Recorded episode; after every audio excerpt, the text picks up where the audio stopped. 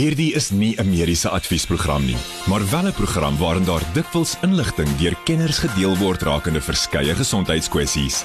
Vir persoonlike raad of advies, raadpleeg jou mediese dokter of sielkundige. Groot trauma met Pieter Kloete en dokter Jaco van die Kerk op Groot FM 90.5. Baie welkom by vanaand se groot trauma en ons kom sommer af met 'n paar nuus stories en lyk vir my dis alweer ongelukkig net oor COVID-19. Daar's dan 'n ander storie wat oor iets anders te gaan, maar ek dink kom ons begin maar met die probleem on hand. Uh Jaco, hospitale stay nog steeds onder COVID uh se derde vlaag. Ja, Pieter is ehm um, dis eintlik 'n baie moeilike tyd dink ek vir al die hospitale en al die hospitaalgroepe in die land. En ek dink ehm um, dis dis een van daai tye ek voel vir my amper, ek weet nie of ek net moeg is nie maar ek dink ek en en al al die kollegas wat saam met daar werk voel my amper of dit erger is as die is die eerste en die tweede vlog. Sjoe. So dis maar 'n groot groot krisis tans. Ek dink 'n goeie punt is uh, of daar 'n bietjie ligter punt is is dat 75% van onnies in die Wes-Kaap is vir inenting geregistreer en dit lyk ook dat baie van die artikels sê dat ehm um, baie van die onnies van in Gauteng is ook baie ehm um, positief oor die inentings en veral die wat nou al reeds vandag ook gegaan het. So dis dan 'n goeie teken. Ja, Pieter, ek dink ek is ek is bly om te sien daar so baie mense wat nie meer teen die vaksin is nie. Ehm um, ek hmm. dink mense besef ook nou na die eerste en die tweede vlag en veral nou in die derde vlag, dit kom al hoe nader na mense toe, gaan al hoe nader na jou eie huis toe. Hmm. Ehm um, eers het jy gehoor van mense, toe was dit jou familie en nou is dit naby vriende baie keer wat wat dit nie maak nie. En ehm um, as jy dan 'n hoë risiko is en of net die geleentheid het om die om die immunisasie te vat moet jy dit definitief doen en ek dink die mense begin dit nou besef um, uit die aard van die saak bietjie lank gevat hmm. maar ek dink hulle besef dit ten minste nou Ek weet Dr. Jacques Koring het ook van lig af gesê dat mense kan 'n merkbare verskil sien teenoor iemand wat miskien ook nou weet wat wat wat gegaan het vir 'n vir die inenting. Hmm ehm um, en die wat nie het nie. Ja, ek dink hy kan net nou vir ons 'n bietjie vertel af van ek meen hy het eerstehandse ervaring nou daarvan van pasiënte wat in die hospitaal vir hom opgeneem is wat ehm um, die inenting gehad het en en doen hulle doen beter aan die einde van die dag en ek dink is goed dat hy ons nou net dalk 'n bietjie daarvan gaan vertel. Dan sien ek daar's 'n moontlikheid uh, vir moontlike strenger ehm um, maatreëls en inperkings in Gauteng weens hierdie die hospitale wat letterlik oorvloei van van pasiënte met COVID-19. Uh, maar ek meen wat wat kan Cyril regtig meer doen sonder om die ekonomie nie nog meer skade aan te berokken nie, Jaco? Ek dink definitief nie hy kan of ek dink nie ons kan bekostig om ehm um, verdere inperkings te hê nie. Ek sien in die artikel sê die ehm um, EFF dat hulle nie die uh, strenger maatreëls as hy dit sou afkondig sal ondersteun nie omdat die regering te stadig inent. Ehm um, ek sien die DA het ook gesê dat ehm um, die ekonomie kan dit nie bekostig nie en dat ehm um, hulle dit ook nie sal ondersteun sou daar so iets wees nie. Ek dink die mense kan meer meer doen as wat daar tans gedoen word nie en ek weet nie of eh, 'n uh, streng inperking noodwendig die die moeilikheid gaan stop nie. Ek dink die mense wat wat siek word of nou siek is, is reeds al geïnfekteer en ek dink mense moet in jou jou 10 dae en langer wag vir daai mense om in die hospitaal uit te kom. Ehm um, ek dink nie 'n sterker 'n sterker inperkingsreëls of maatreëls gaan maak dat dit enigsins verander um, in die in die nabye toekoms nie. En ek wonder weet of of ehm um, die Filippynse miskien ook nie die regte formule het nie. Ehm um, ek sien die uh, die Filippynse president het gesê, uh, president Rodrigo Duterte, hy's nogal baie uitgesproke, hy het gesê of jy word ingeënt of ek laat jou in die tronk stop. So jy het twee keuses. Ehm um, en ek dink hy het iets beter daar. Ek meen dit is mos maar weet herd immunity wat wat hy nou Ek dink ehm um, hy het 'n hy het 'n baie goeie onderliggende doel hoekom hy dit doen ek dink in 'n demokratiese land soos ons en gaan hulle baie moeilikheid kry as hulle so iets doen. maar aan die einde van die dag ek dink as mense gaan kyk ehm um, as almal daar ingeënt word is dit dalk waarskynlik een van die lande wat die minste gaan probleme hê in die toekoms. So ek hmm. dink um, hy definitief nie 'n slegte idee daar beet nie. Ek wil tog 'n uh, bietjie later vir dokter uh, Jacques Koning ook vra oor ehm um, weet hoe lank uh vat dit vir die vir die uh, enstof om te werk? Hmm. Sou jy dalk dan um, COVID kry. Ons weet van Ben Creer wat letterlik die week van tevore of 3 dae van tevore voordat hy positief getoets het vir inenting gegaan. Natuurlik het dit nie, nie vir hom gehelp nie. So mm. 'n bietjie daaroor gesels. Ehm um, dan ehm um, sien ek net so op 'n ander punt. Um, ons weet nou al van die van hierdie voetvrou uh hier in die ooste van Pretoria wat hier in Murrayfield in die Wilgers naai ge, gewerk het is nou in die hof en ehm um, sy glo en sy sê nog steeds dat ma se reg om te kies hoe 'n baba gebore te word. Ek meen, daarmee kan 'n mens dan nie strei nie. Dit is waar, maar die feit is dat sy vir hulle medikasie gee het wat wat buite haar scope of practice is. Ja, op die trein ek ek dink dit is so, dit is 'n vrou se keuse. Maar ek dink dit moet 'n ingeligte keuse wees. Hmm. Dit moet 'n ingeligte keuse wees om voor- en nadele teenoor vaginale verlossing teenoor 'n keisersnee. Ek sien ook nou skief tog in die artikel dat hulle sê ehm um, sy het selfs tweede geboortes ehm um, waar hulle die eerste baba verlos is met 'n keisersnit en die tweede geboorte 'n uh, vaginale verlossing voorgestel en dis ek dink is 'n risiko.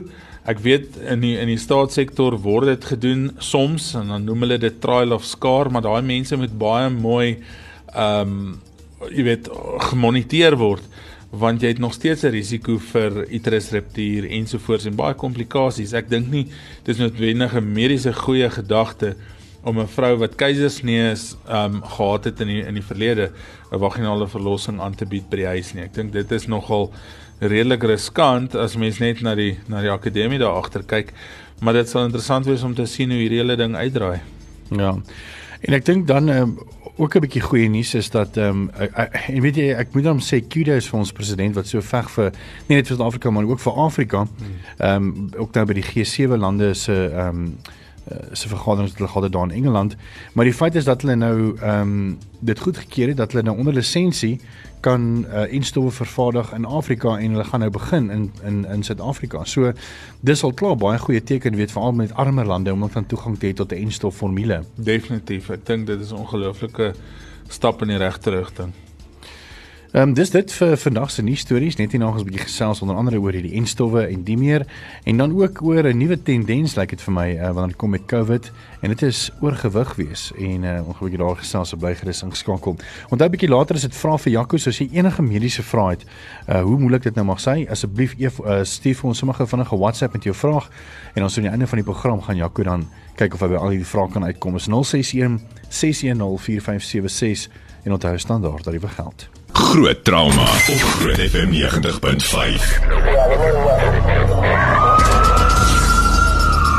Welkom terug Groot Trauma. Uh, net gefvinnig regstelling. Uh, baie dankie vir die persoon wat ook vir ons laat weet het. Ons het net gefvinnig op Africa Check ook gelees en ek wil net 'n regstelling maak is dat uh, Ben Creer ek, ek het vroeër gesê dat hy wel die daar voor die tyd gegaan het vir 'n inenting wat wel nie waar is nie. Hy was uh, nie Ehm um, ek dink hulle sou gegaan het vir 'n inenting volgens Hugo Ludek ook van binnelanders, maar hy het nooit 'n inenting gekry nie. So ons gaan 'n bietjie later net weer daaroor gesels.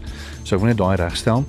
Maar Jacques net so vinnig ehm um, oor in inentings en die meer. Ek meen wanneer men as jy nou vandag gaan vir 'n inenting en jy kry môre COVID, ehm um, hoe lank gaan dit vat vir die vir die enstof om eers te begin werk en effektief te begin werk? Pieter, ek dink in Suid-Afrika is dit belangrik om in eerstens in ag te neem wat se inenting jy neem. Die die Pfizer een, ons het eintlik twee in Suid-Afrika beskikbaar, die Johnson & Johnson en Pfizer.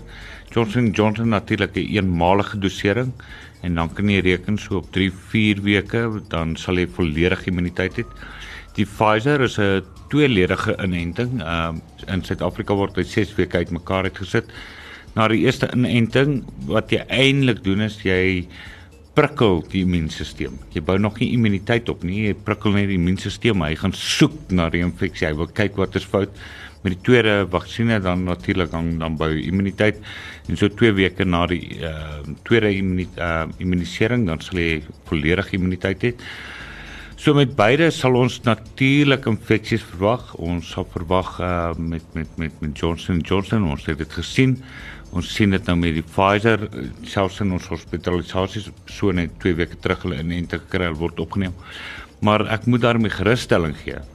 Met beide van hierdie inentings al kry jy vroeg na inenting infeksie, wil dit vir ons voorkom asof die immuunstelsel baie meer gekoördineerd, baie meer ehm um, gedirigeerd optree teenoor die infeksie en daar's 'n baie groot verskil in uitkomste tussen persone wat nie geïmmuniseer was nie teenoor persone wat ehm uh, ehm uh, dan natuurlik al, al het hulle self onlangs 'n immunisering eers ontvang. So daar is 'n groot verskil. Baie baie baie groot. Ek ek het nou toevallig 'n pasiënt wat ehm uh, hy het uit 2 weke terug sy eerste uh, Pfizer inenting ontvang en um, dan natuurlik toevallig nog geïnfekteerd geraak. En en ek neem net in ag hy lê langs 'n ander pasiënt. En dit is dramaties die verskil net tussen die twee op te, te observeer. Selfde risikofaktore, selfde ouderdom, selfde tipe persoon. En is asof ek met twee verskillende infeksie toestande te doen het. Sure. En ja, kyk nie want julle sien ook die dieselfde in die trauma. Die nie. Nee, definitief Pieter. Ek dink die mense met die gerig gerusstelling het dat ehm um, die immunisasie beteken nie daar's geen kans vir jou om siek te word nie. Jy moet nog steeds by die by die maatreëls bly en jouself nog steeds oppas. Jy moet nog steeds jou masker dra en hierdie hierdie normale gedoen. Maar ehm um, ek dink definitief 'n groot gedagte agter die immunisasie is ook dat jy die mortaliteit of sterfte syfers wil afbring en mense sien definitief ehm um, hulle doen beter. Ek dink 'n groot persentasie van mense wat die immunisasie gehad het, daag nooit eers by die hospitaal op nie omdat hulle simptome waarskynlik baie matiger is hmm. as wat dit sou gewees het. Ek sien ters as jy sê vir ons diere wat tans doodgaan van COVID toetse 2 jaar terug. Ek dink ons moet net duidelik stel, ek weet ehm um, onder diere was daar nou al reeds ehm um, COVID en stowwe al vir ek weet nie, julle my jy sou reg help maar al vir baie langer.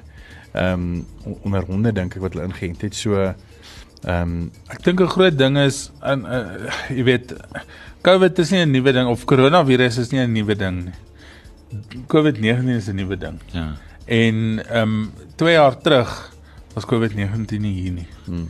Ehm um, en en ek dink mense verwar koronavirus toetse en koronavirus siekte met wat ons nou het en dis nie dieselfde ding nie. As jy gaan kyk na na die pediaters ons ek meen ek ek werk nou al amper 20 jaar in 'n ongevalle situasie wat ek baie kinders sien.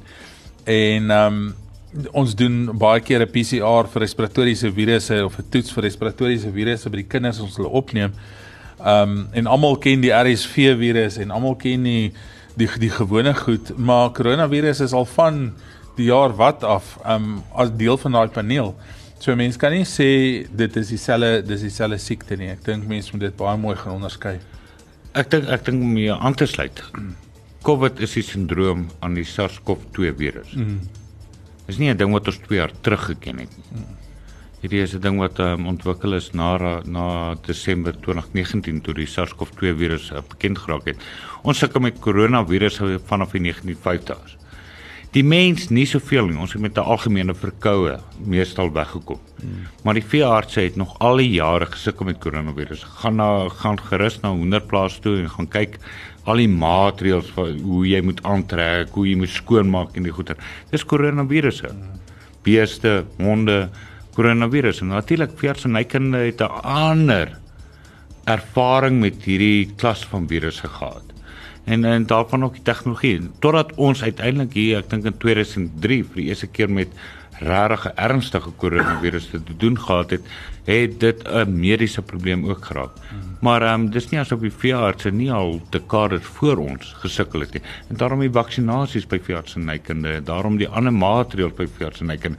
Eindelik wil ek amper sê ons mimiek veeartse nykinde wat hulle gedoen het 20 jaar terug. Hmm. Sjoe, baie interessant. Net gou vanaand nog twee goed voordat ons oorgaan na vandag se mediese mite minuut. Ehm um, daar is nou ook 'n uh, uh, sprake gewees 'n paar dae in die gelede dat daar nou 'n nuwe aggressiewer en aansteeklike variant van die koronavirus uh, besig is om sy kop uit te steek uh, en just 'n veldbrand te versprei in Moskou. En ons het nou weer ook gister gelees dat Indië uh, met nou weer 'n sekere gedeelte van Indië is daar nou weer nog 'n ander variant van die virus uh, ontdek. So ek neem aan dit gaan maar hy gaan maar altyd maar muteer en en ver, verander en Pieter ek ek moet sê die ons een voordeel met die koronavirus hy het uit 'n paar beginsels. Hy hou nie daarvan om te muteer nie.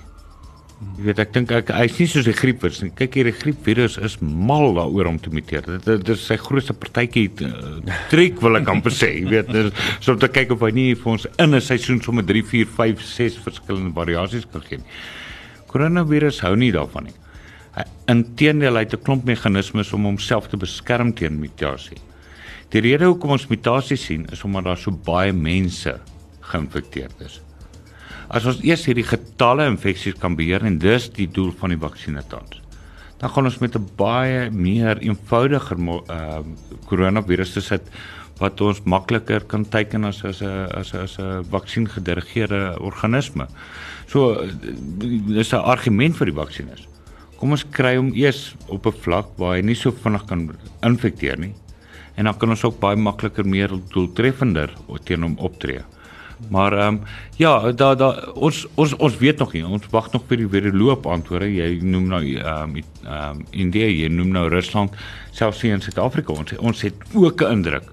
Ons sit met dalk 'n nuwe gedrag in 'n variasie of 'n nuwe variasie op 'n variasie.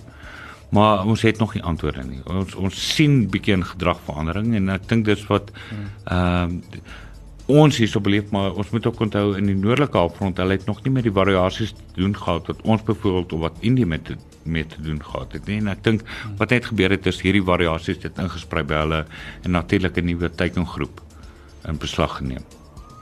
Net hier nog 'n bietjie gesels oor 'n uh, nuwe tendens van oorgewig wees en COVID-19 so by gerus ingeskakel daarvoor. Maar nou eers tyd vir jou mediese mite minuut.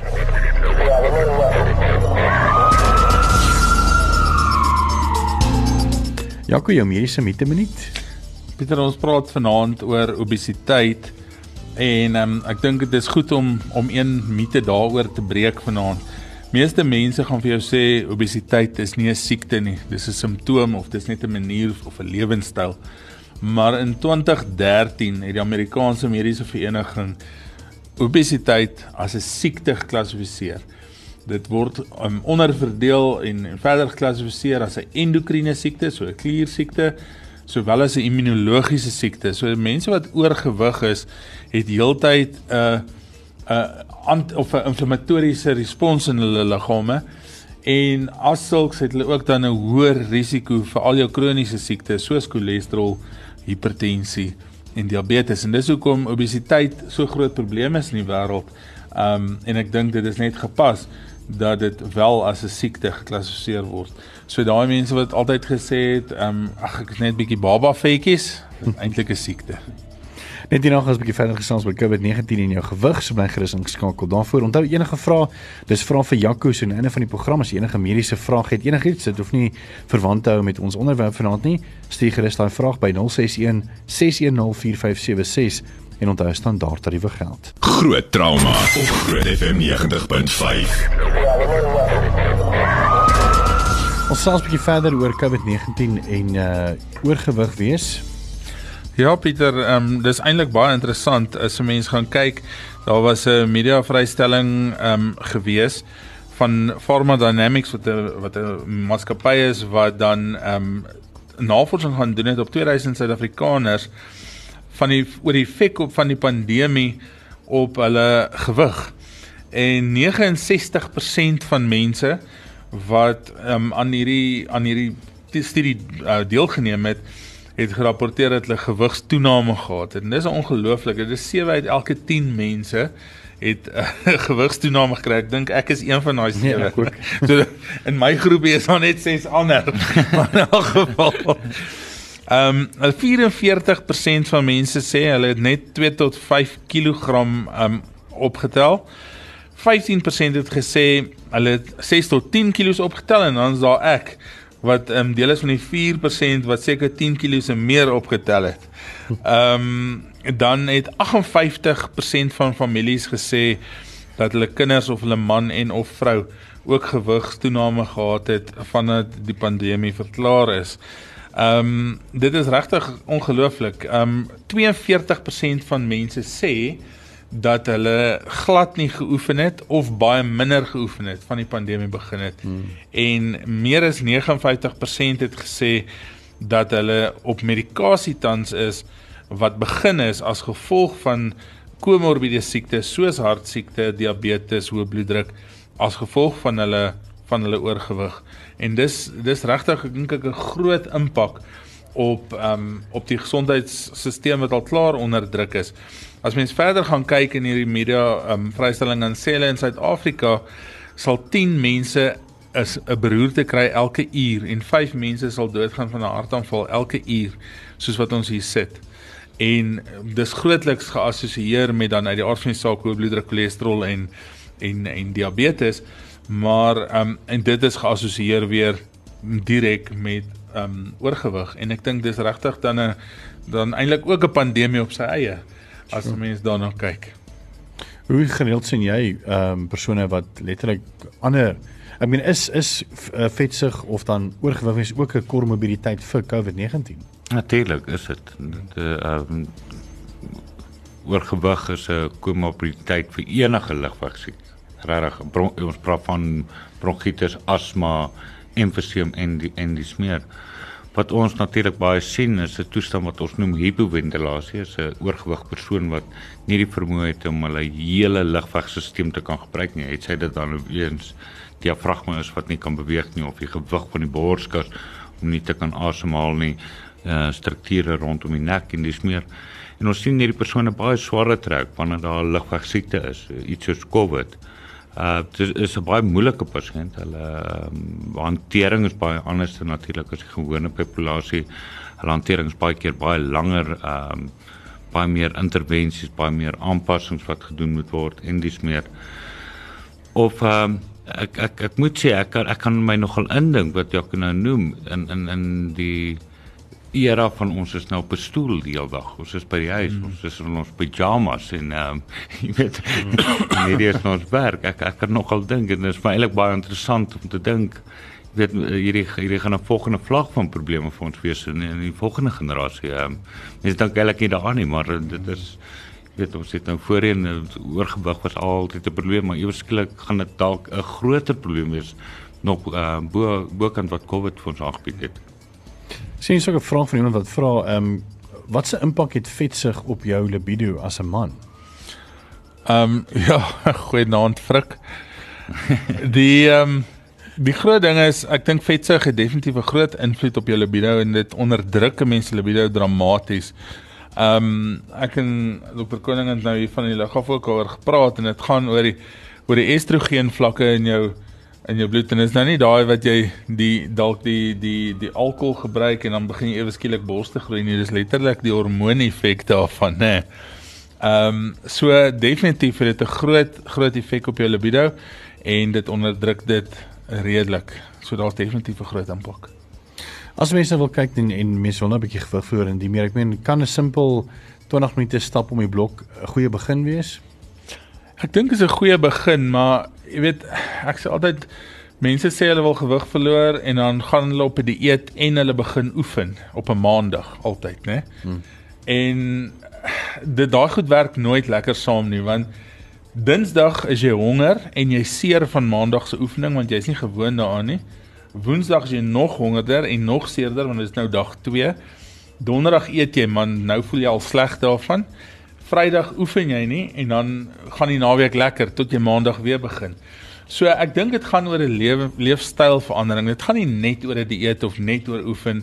Dit gaan oor 'n totale leefstylverandering. Uit die aard van die saak, oefening en dieet is die beginpunt. Maar 'n mens moet um, gemotiveerd wees. Jy moet dink ek emosioneel reg wees om dit te begin ook. Ek dink is een van die groot probleme van van van ons pandemie ook is mense is gestres, hulle word heeltyd gebombardeer met inligting oor die siekte, hulle is bang hulle kry die siekte of familielede kry die siekte. En dis ook al gesien dat as 'n mens wat noem hierdie mense dit hulle hulle eet as as hulle gestres word mm. of gestres is en hulle dan voel hulle beter hierdie comfort eating.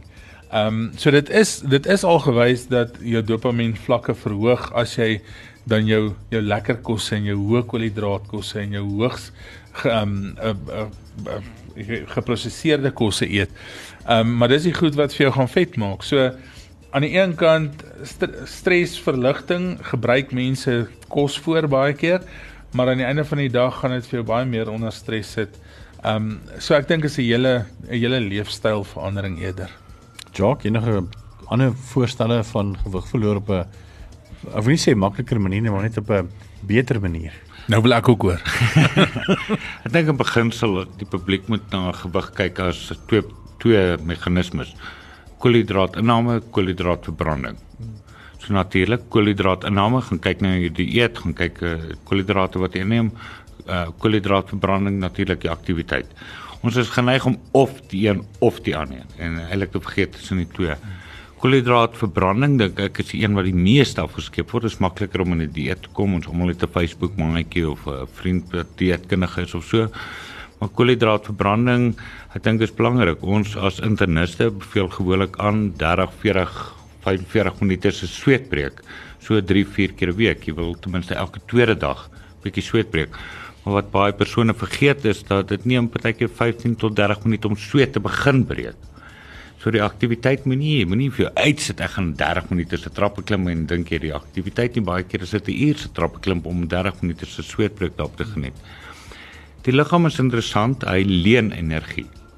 En dis eintlik baie aktiwiteit dan baie belangrik is en ons wat wat baie mense vergeet is dat ehm um, ja die daai verbranding wat plaasvind is teen 'n lening teenoor ander energiereseptore en die liggaam gaan dit later weer terugvra. Dis hoekom ons sê elke tweede dag is goed genoeg want die volgende dag is jou liggaam steeds besig om die energie terug te betaal wat hy gebruik het in die oefening. En natuurlik hoe meer aktief, hoe langer aktief, hoe meer ehm um, sal dit plaasvind. Maar ehm um, weer eens dan uh, natuurlik die eet ook ons ons ek ek dink nie ons het met 'n onintelligente publiek te doen nie. Ons ek dink ons almal weet wat is. Mm. Ons almal weet wanneer is jy verkeerd, jy weet. As dit te lekker proe is dit dalk net nie te goed nie. Maar ehm um, ek dink in in hierdie vlag wat ons nou is, ehm um, dis baie maklik om te verval. Is baie maklik om sleg te wees. En en en ek weet ek dink dokter Jaco se kom met myself te weet op, op 'n stadium is ek net lus vir 'n paai of 'n ration of net ja. jy weet jy het nou 12 ure skof. Jy jy's nou regtig lus om nou te gaan komkommer sny en 'n tomatiebroodjie vir jouself te maak jy weet jy. Ehm um, en ek dink ons baie van ons verval in hierdie selfde versoeking en en selfde verslegting En ek dink ons almal moet maar net mooi gaan kyk in wat ons voorberei, hoe ons dit voorberei, wat wat ons daai uit het en hoeveel aktiwiteit het ons die dag bedoel. Het dokter Jacques nou nog genoem. Ja, hy stap nou maklik 6000 tree 'n dag uit die hospitaal waar ek my bevind kyk ek stap vir myself dat ek baie keer 'n padkaart nodig het of 'n GPS en ek dink natuurlik jy weet ek het baie aktiwiteit uitgevoer maar eintlik het ek nie. Jy weet ek het ek het dalk net gestap en al wat ek eintlik gedoen het is 'n kuitspier geoefen is waar. En en ek dink ons moet ook eerlik wees oor die aktiwiteit wat ons uitvoer en hoeveel koolhidrate ons daarvoor nodig gehad het vir die dag Net 'n vraag vir dokter Jaco, as jy enige mediese vrae het, is jy nou welkom om te vra. Dit hoef nie verwant te wees met ons onderwerp nie. So stuur daai vrae na 061 610 4576 en onthou standaard tariewe geld. Groot trauma met Pieter Kloete en dokter Jaco van die Kerk op Groot FM 90.5. Verder vra vir Jaco, baie dankie vir julle vrae wat julle deur gestuur het. Kom ons kop smaak met die eerste vraag Jaco. Ja, Pieter, hier is 'n paar lekker vrae. Cindy Ann, baie dankie vir jou vrae. Ehm um, eerste een dink ek is vir my, ja, jy het 'n yskoue Kalahari, is daar enigsins 'n kans dat 'n mens suksesvol kan gewig verloor as jy hou van gin en wyn drink? Kenners sê dat alkohol enige gewigsverlies sal verhoed. En dan sê sy daar so met 'n lekker lag gesig, ek hou van gin, dit proe vir my lekker. nou ek dink dit proe lekker en ons het nou gepraat, as iets te lekker proe, dan is dit gewoonlik verkeerd. Ai. En ehm um, ek hou nie meer van gin nie. ek hou nie meer van gin nie. En uh wyn is mos eintlik druiwesap, né? En druiwesap het maar 'n bietjie suikertjies in dis maar hoe dit is. Ehm um, so ja, ek dink as iets te lekker is, dan is dit waarskynlik nie wat jy in oormaat moet inneem nie. Maar ek wil net met jou verskil daar sê, Jaco, want onthou net rooi wyn is gefermenteer, so die alkohol wat hy maak brand hom ons eintlik die suiker in die gis om ehm um, so eintlik is rooi wyn dan mos nou goed vir jou. Dis 'n baie goeie redenasie Pieter, baie goed. maar dan moet jy maar nie brand hou nie. nie brand hou, ja. Definitief. En dan is daar 'n vraag vir Jacques wat sê wat is jou opinie oor hoë intensiteit oefeninge of heat wat nou oral op sosiale media te sien is? uh, Ingewikkelde vraag. Ek dink uh, wat ek nou nou ook hier verduidelik het, ek dink uh, mens moet dit verskil tussen mans en vroue. Mans is meer geneig om testosteron gewe uh, gerig te wees wanneer dit kom by oefeninge. So 'n gedeelte van hulle oefeninge natuurlik kan die testosteron afskeiding stimuleer vir altyd met gewigsoefeninge. Ek praat nou nie van Arnold Schwarzenegger spierbou oefeninge nie, ja. maar ek praat ehm um, dat waar ons praat uh, kardiovaskulêr versus gewig kan mans waarskynlik 2/3 van hulle oefening kardiovaskulêr hou, 1/3 gewigs. Die gewigsoefening is meer testosteron gedrewe en testosteron natuurlik baie goed vetverbrander, cholesterol verbrandende hormoon. Vrou ongelukkig geniet nie ehm um, hierdie selfde voordeel nie. So hulle oefeninge sal mens merk is baie keer meer kardiovaskulêr, langer sessies van kardiovaskulêr meer gereelde sessies van kardiovaskulêr wat dalk onregverdig onder vroulike lede, jy weet, ervaar mag word. Maar ehm um, dit is dis eintlik waar hierdie oefeninge vandaan kom en ek dink 'n mens moet maar dit is geslagsbepalend, dit selfs ouderdomsbepalend. Jy weet hoeveel van die hormoon uh, kan jy op staat maak in watter tye. So ek moet eintlik vir Cindy sê geen wyn, geen gin en oefen sy sy oefen hardloop. Nee, ek ek sou sê oefen en dan wyn. okay. Volgende vraag is naand ek nou al twee keer COVID gehad. Ehm um, moet ek nog gaan vir die inenting of nie? Die tweede keer was baie erger ehm um, as die eerste keer en hoekom was dit? Ek dink die eerste helfte is lekker antwoord en ek dink die die die tweede helfte kan Dr. Koning dalk antwoord. Die eerste helfte is moet hy nog gaan vir die inenting en ek dink definitief so. Ek dink ons het net nou gesê 'n mens kan 2 en 3 keer siek word en daar is variasies op die tema. Ehm um, maar die tweede keer was vir hom nou erger as die eerste keer. sien julle ook dat die eerste vlaag, tweede vlaag en derde vlaag so dramatiese verskille het in intensiteit van siekte? Ek ek dink wat mense moet begryp, jy weet, uh, met COVID, met met enige infeksie toestand wat horisontaal mag versprei. Nou hiermee bedoel ek dit versprei van die een persoon na die volgende persoon na die volgende persoon langs jou. Dat oor tyd sal die natuur selekteer dat hierdie organisme gevaarliker en gevaarliker en gevaarliker word. Nou gevaarliker bedoel ek in twee wyse of meer aansteeklik en of meer dodeliker. Ehm uh, gewoonlik meer dodeliker het 'n grenslyn. Hy uh, organisme gaan net so dodelik wees en nie verder versprei nie, maar meer ehm uh, aansteeklik natuurlik, jy weet, is daar amper nie 'n limiet nie en hy sal elke keer uitgeselekteer word. Ons sien dit met elke vlag. Ehm um, en u sien dit, jy weet die eerste die toe ons begin gesels het, sê ons hoeveel mans is opgeneem in die intensiewe sorg mm. genoem en vroue is opgeneem. Tweede vlag toe sê weet jy nou is dit amper 50 50, jy weet mm. mans en vroue. Derde vlag ewe skielik sien ons skole sluit. Ons mm. kinders word siek, jy weet die skoolonderwysers is nou die volgende populasie van inenting. So die organisme spring natuurlik vir sy uh, teikengroepe en hy spring omdat hy meer aansteeklik raak. So maar te antwoord natuurlik, hy word meer aansteeklik, word hy meer dodeliker ook want jy het minder van die virus nodig om nou meer siek te word. So waar ons ons het tans in ons intensiewe sorg uh, ek het tans 2% onder die ouderdom van 30 wat wat nie gekend was in die eerste twee vlae nie en, en dit is uh, wys ons dat jy het minder van die organisme nodig om meer siek te raak. So hy word natuurlik meer dodeliker en gevaarliker ook. So. Dan die volgende vraag kom van Santi af. Um, kan 'n mens nog steeds bloedklonte kry as jy elke dag Ecotrin drink, ehm um, maar binne het vreeslik baie spatare en ek dink mense moet mooi onderskei aan die een kant tussen 'n gewone spatare wat dan waarskynlik oppervlakkige trombose is wat jy kry en diep veneuse trombose. Maar ja, mens kan mens kan ehm um, bloedklonte kry of trombose kry. Uh diep veneuse trombose kry selfs ehm um, met aspirien gebruik. Aspirien is eintlik net 'n plaatjie onderdrukker en propagasie van 'n van 'n trombus of die groei van 'n trombus word onderdruk, maar jy kan nog steeds 'n um, trombose kry en bloedklont of bloedklonte kry um as gevolg van um die tens of ten spyte van die feit dat jy Ecotrin drink. Uh die volgende vraag is um kan COVID aanleiding gee tot psoriase? Um en ek dink van my kant af, ek dink nie dit veroorsaak psoriase nie, maar onthou Die siekte maak dat jou immuunstelsel onderdruk is, jou liggaam gaan deur 'n stresrespons en ek dink stresrespons kan 'n flare in jou psoriase veroorsaak. Ek weet nie wat wat dokter Koning daarvan sê nie, maar ehm um, ek dink nie dit dit dit maak dit ehm um, of veroorsaak dit nie. Natuurlik, ja, psoriase het 'n baie sterk assosiasie met emosionele stresore, fisiologiese en en infeksies stresore. Ehm um, dis nou natuurlik nie een van ons algemeenste presentasies by ongevalle is wel toestande weens so 'n ehm um, um, COVID infeksie nie, maar ek kan nie dink dat dit ehm um, ehm um, nie 'n uh, sterk assosiasie gaan hê as mens in dermatologie eenhede gaan sien nie. Ja, ek kom sê Pieter. Ja, net so vinnig sê, um, iemand het hier gevra, ehm um, ons probeer enige dieet vir my pa om gewig te verloor, maar hy verloor ongelukkig glad nie gewig nie. Dink jy goed die beste is maar miskien ook eerder 'n dokter te gaan sien en te gaan kyk wat is miskien ook enige ander onderliggende probleme wat dan veroorsaak dat daai nie dat jou pa nie kan gewig verloor nie. Ja, ek dink daar's daar's baie fisiologiese faktore wat ook 'n invloed ehm um, het en wat 'n mens moet eintlik gaan toets. Die ander ehm um, vraag wat nog deurgekom het is is steroïde goed om te gebruik as jy spiere wil bou en oh, ek dink die antwoord is dit definitief nee. Ehm um, die die groot ding is maar ehm um, ek sien baie daarvan ook in die ortopedie wat ek assisteer dat ehm um, spiere skeer Ehm um, klomp van daai spiere is eintlik maar net vogretensie en op die langtermyn het jy klomp ander komplikasies soos hipertensie en cholesterol en dis meer. En ek dink dan die laaste ding is ehm um, van uit die Kalahari weer eens ehm um, is daar eintlik 'n opmerking. My vrou het 'n borsaugmentasie gehad.